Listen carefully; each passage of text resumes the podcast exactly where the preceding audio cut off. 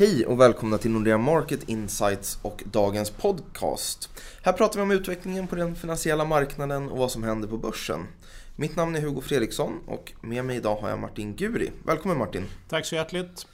Det har varit väldigt rörigt på börsen de senaste dagarna får man säga. Kan du berätta lite mer vad du tror att det här handlar om? Ja, jag tror man måste ha lite längre perspektiv för att förstå det som sker nu. Allting är ju centrerat kring USA, för USA bestämmer ju takten på alla världens finansmarknader och på börsen så är USA ungefär 50% av globala index. Så backar vi bandet så är det ju faktiskt så att eh, den amerikanska börsen har gått upp 50% nästan under de senaste två åren. Det har varit fantastiskt. Det har inte varit några större nedgångsperioder. Och jag tror faktiskt att under de senaste eh, ungefär 340 dagarna så gick aldrig börsen ner mer än drygt 1% eller sådär. Och det är extremt lite. Vad som dessutom stötte till det var ju då att när skattesänkningarna blev beslutade om precis före jul så tog ju då ehm, det här fart ordentligt och eh, då började man börja lägga in vad skattesänkningar skulle innebära för amerikanska vinster eh, och då sköt ju börsen upp direkt. Och det gick bara upp och det gick upp och det gick upp och det gick upp. Så till slut så var det bland de starkaste uppgångarna vi någonsin har sett i början av året. Och de allra flesta sa ju efter ett tag bara, det är så överköpt. Och nu bara måste det komma en rekyl.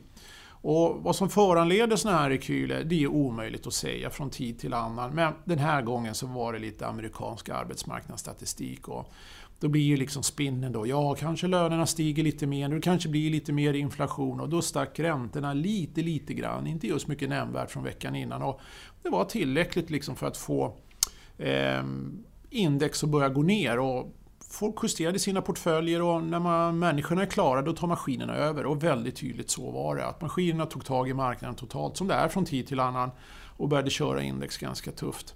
Och de här trendföljande strategierna som är vanligt förekommande, när de vänder då blir det väldigt kraftfullt. Och när volatiliteten går upp så blir det också väldigt kraftfullt. Och just volatiliteten eh, eh, mer eller mindre gjorde en flashcrash. Det kraschade ihop totalt och det finns många sparprodukter eller investeringsprodukter då, kopplade till volatilitet eftersom den har varit så extremt låg. Och att sälja volatilitet har varit en av de mest framgångsrika strategierna under flera års tid. Och när det gick upp så väldigt kraftigt då kraschade de flera av de här eh, instrumenten som finns. Det är ju sådana knockout-strukturer. Så vi flera deskar var tvungna att lägga ihop och vad måste traderna göra då? Ja, då måste de hitta nya hedgar och eh, det spädde ju på det här, både volatiliteten och nedgången på aktiemarknaden. Så ganska tekniskt, ganska obegripligt men i ett större sammanhang inte helt ovanligt. För jag skulle vilja säga att tittar man bakåt då så är det inte så ovanligt att börsen svänger rejält över ett kalenderår. Och man får nog räkna med historiskt sett att börsen går ner en eller två gånger per kalenderår, mellan 5 och 10 procent. Det kan man säga det är ganska normalt. Så i det perspektivet så är de senaste dagarnas nedgång helt normalt. Den här gången utlöst av lite ränte och arbetsmarknadsoro som jag tycker är helt överdrivet. Men eh, eh, i alla fall, här är vi nu och vi får väl i alla fall hoppas att det lugnar ner sig. Just för dagen i alla fall så är börserna upp och vi får se om det har blåst över för denna gång. Det är min tro i alla fall. Tack. Tror du det kommer bli vanligare med den här typen av svängningar framöver? Ja, på ett sätt får jag ändå hoppas att det blir det, för att jag skulle vilja säga att det är mer normalt. Den typen av otroligt stabila marknader som vi har haft, så otroligt dopade marknader också av alla de här QE-pengarna och all den likviditet som finns i det finansiella systemet har ju dämpat volatiliteten och det är ganska naturligt att det går upp och ner. Så på ett sätt så hoppas jag verkligen att det sker. Så mitt svar får ju bli det. Ja, jag hoppas att det blir mer av den här typen av volatilitet. Och som sagt var att det blir såna här utbrott, såna här flash crashes en eller två gånger per år. Det skulle jag vilja säga, det tillhör normalbilden också. Och pallar man inte det, då, då ska man nog inte vara på aktiemarknaden överhuvudtaget. Utan det är nog det priset man får betala helt enkelt om man ser bortanför det här lite mer kortsiktiga bruset. Vad, vad är din vy på, på den fundamentala grundbilden? Hur ser makro ut? Den fundamentala grundbilden ser faktiskt grovt förenklat i alla avseenden väldigt bra ut. Om man tittar på den senaste tidens prognoser som har kommit ut så är det faktiskt, handlar det mest om upprevideringar. Det jag tittar på nu närmast är IMFs eh, prognoser som kom ut nu för ett par, tre veckor sedan. IMFs prognoser de är faktiskt de bästa som finns. Inte för att de är mer träffsäkra än andra, men de är mer välunderbyggda.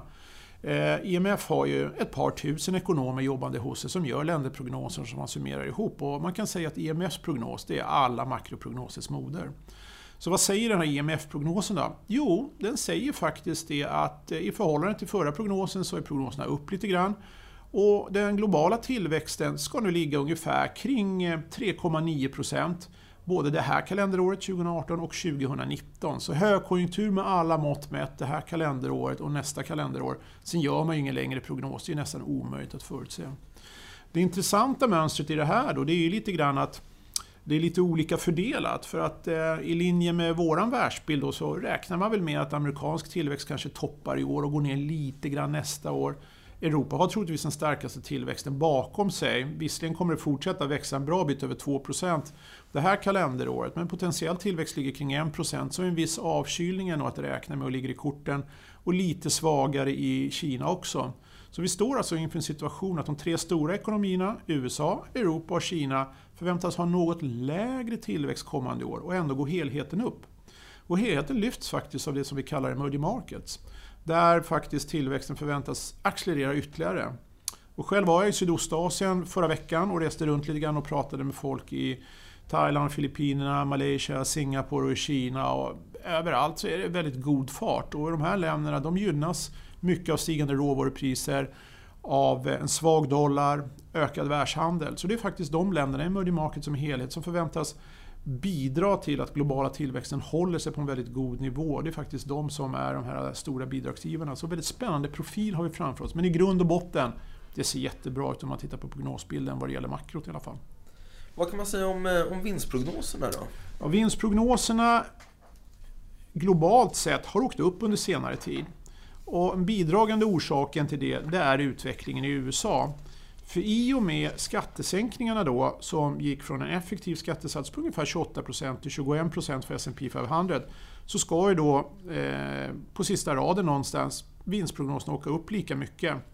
Under den här rapportperioden nu som pågår så har ju då bolagen kommunicerat ungefär vad det betyder för dem och det har gradvis då lagts in. Så vid årets början så räknar man med att vinsterna på S&P 500 skulle öka ungefär 11 12% Nu är den siffran 18. Så det har ju varit en stark börsuppgång som jag nämnde inledningsvis i början av året, men jag skulle säga att den här är mycket väl underbyggd faktiskt, just därför att vinstprognoserna åker upp. Det var mycket halleluja i media kring det här och folk skakade på huvudet och tyckte liksom att det här var ganska knasigt. Men om man tittar närmare på bakomliggande faktorer så tycker jag det är helt logiskt och rimligt att så kunde ske faktiskt. Så alltjämt så pekar då den bästa prognosen på minst 18% upp i USA.